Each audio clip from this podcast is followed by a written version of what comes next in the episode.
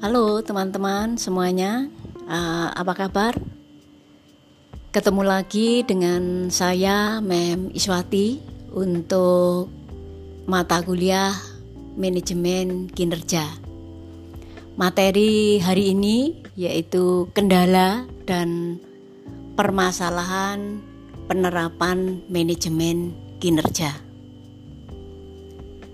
Manfaat dan kuatnya manajemen kinerja, kenyataan di dalam pelaksanaannya, ternyata sering kali terdapat permasalahan, baik itu dari sisi atasan maupun dari sisi bawahannya.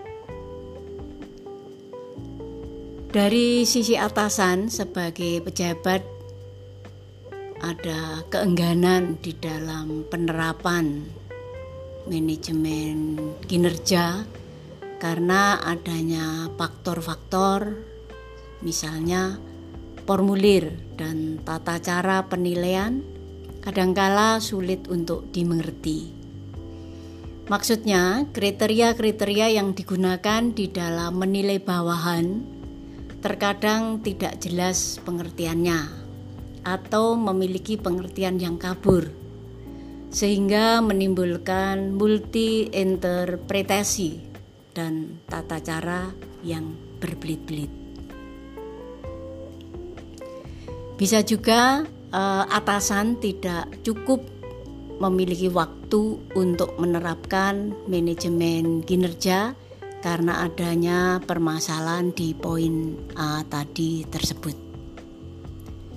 Juga atasan tidak ingin berkonfrontasi dengan bawahan, terutama mereka yang dinilai kinerjanya kurang baik. Selain itu, atasan tidak ingin merusak hubungan baik dengan bawahan. Misal hanya karena satu nilai buruk, padahal hubungan yang baik ini akan sangat penting untuk bekerja sama dengan bawahan.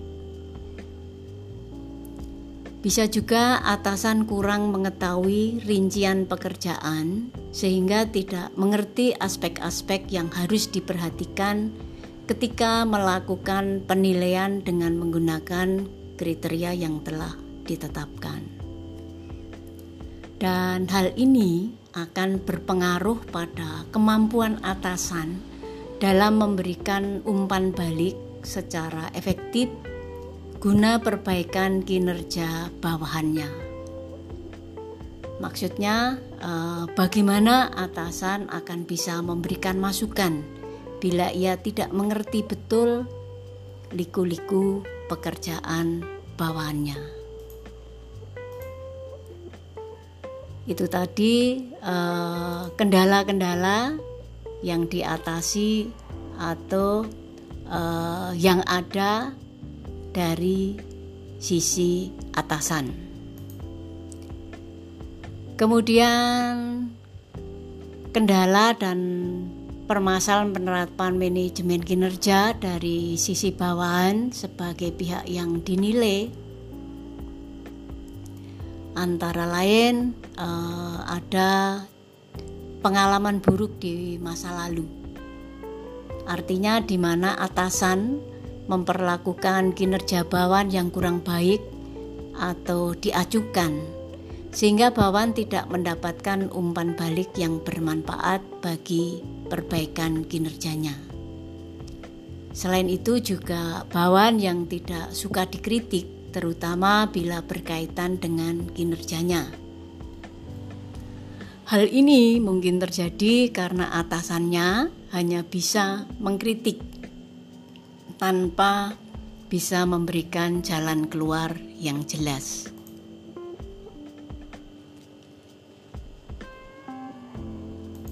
Juga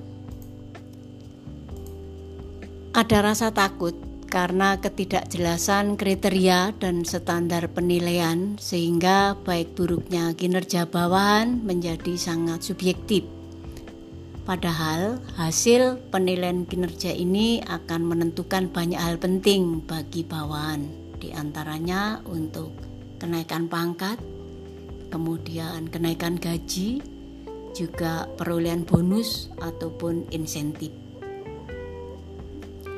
Selain itu, ada juga bahwa bawahan tidak mengerti betul manfaat diterapkannya kegunaan daripada manajemen kinerja ini. Hal ini karena kurang sosialisasi peran penting manajemen kinerja bagi keberhasilan organisasi.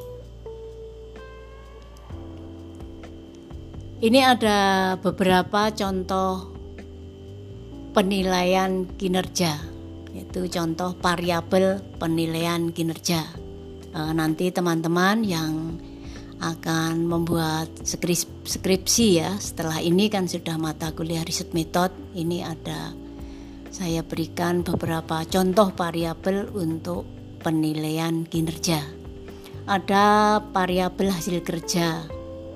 Ini mencakup pencapaian hasil kerja atau target karyawan sesuai dengan standar yang telah ditetapkan. Kemudian ada variabel keterampilan kerja, maksudnya kemampuan untuk melaksanakan pekerjaan berdasarkan instruksi dari atasan. Ada variabel kemampuan jabatan. Ini artinya pengetahuan dan pemahaman prosedur kerja, sistem, dokumen, sasaran sesuai dengan ruang lingkup tugas dan jabatannya. Kemudian ada variabel pengambilan keputusan. Ini kemampuan untuk mengambil keputusan untuk bertanggung jawab terhadap keputusan sesuai dengan ruang lingkup tugas dan wewenangnya. Yang variabel kepemimpinan ini adalah kemampuan memotivasi dan mempengaruhi orang lain untuk mencapai suatu tujuan. Sedangkan variabel kerjasama yaitu kesediaan untuk berhubungan dan bekerja sama dengan orang lain atau jabatan lain dalam rangka menjalankan tugas pekerjaannya. Kemudian untuk variabel tanggung jawab, ini kesediaan melibatkan diri di dalam pekerjaan untuk mencapai tujuan unit kerja ataupun organisasi. Yang variabel disiplin ini adalah kesediaan untuk teratur dan tertib di dalam bekerja agar tidak menghambat pelaksanaan tugas.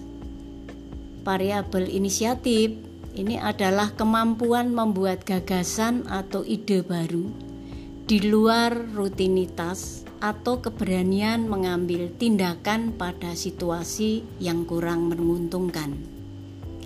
Sedangkan untuk variabel komunikasi, ini adalah kemampuan untuk mengkomunikasikan dan menyampaikan gagasan secara tertulis ataupun lisan dengan tata bahasa yang baik. Sedangkan variabel melayani atau service excellence ini adalah kemampuan memenuhi kebutuhan pelanggan dan memberikan pelayanan sesuai keinginan jika dikomplain. Sedangkan untuk variabel sikap atau attitude ini adalah kemampuan atau tindakan sikapnya terhadap perusahaan dan karyawan lain serta kerja samanya. Itu tadi contoh-contoh uh, indikator di dalam variabel kinerja.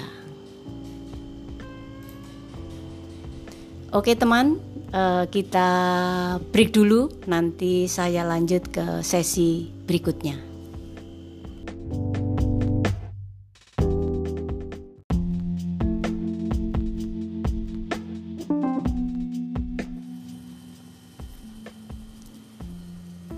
Oke, teman-teman, kita lanjut kembali. Sekarang contoh hasil keluaran atau outcome untuk aspek atribut dan aspek perilaku atau behavior. Pertama yaitu aspek penilaian pengetahuan tentang pekerjaan. Ini mempunyai indikator membagi tugas dan tanggung jawab pekerjaan, memiliki pengetahuan peraturan, prosedur dan keahlian teknis, menggunakan informasi dan peralatan teknis dengan tepat dan benar, mengikuti perkembangan peraturan dan prosedur teknis yang terbaru. Kemudian untuk aspek penilaian dan kinerja kerja, indikatornya adalah menunjukkan perhatian, detail, akurat, cermat, dan teliti kemudian mematuhi peraturan dan prosedur kesehatan dan juga keselamatan kerja, membuat keputusan yang berhubungan dengan pekerjaan, mengembangkan solusi, memahami dari keputusan yang diambil. Untuk aspek penilaian produktivitas, indikatornya meliputi menyesuaikan tugas kerja yang diberikan secara konsisten menentukan dan mengatur prioritas kerja secara efektif, menggunakan waktu dengan efisien, kemudian memelihara tempat kerja tetap teratur sesuai dengan fungsinya. Sedangkan indikator untuk aspek penilaian dan fleksibilitas meliputi menyesuaikan diri dengan segala perubahan dalam lingkungan pekerjaan, menentukan hasil kerja yang baik meskipun bekerja di bawah tekanan kerja, kemudian mempelajari dan menguasai informasi, peraturan, prosedur yang terbaru.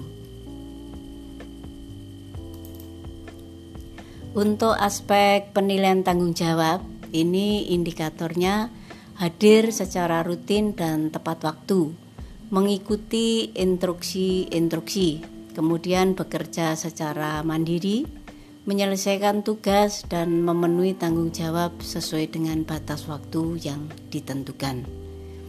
Untuk aspek penilaian kemampuan berkomunikasi dan berinteraksi, ini indikatornya adalah bisa berkomunikasi dengan jelas dan tepat, baik itu secara lisan maupun tulisan. Kemudian, selalu memberikan informasi kepada orang lain dapat berinteraksi secara efektif dengan orang lain dan berbagai jenis pekerjaan. Kemudian memelihara sikap yang baik dan profesional dalam segala hubungan antar individu. Untuk aspek penilaian inisiatif dan pemecahan masalah, ini indikatornya mempunyai inisiatif, mempunyai ide, tindakan, dan solusi yang inovatif, kemudian mencari tantangan baru, mengembangkan diri, dan kesempatan untuk belajar, mengantisipasi dan memahami masalah yang mungkin bisa terjadi, kemudian membuat solusi alternatif pada saat memecahkan masalah.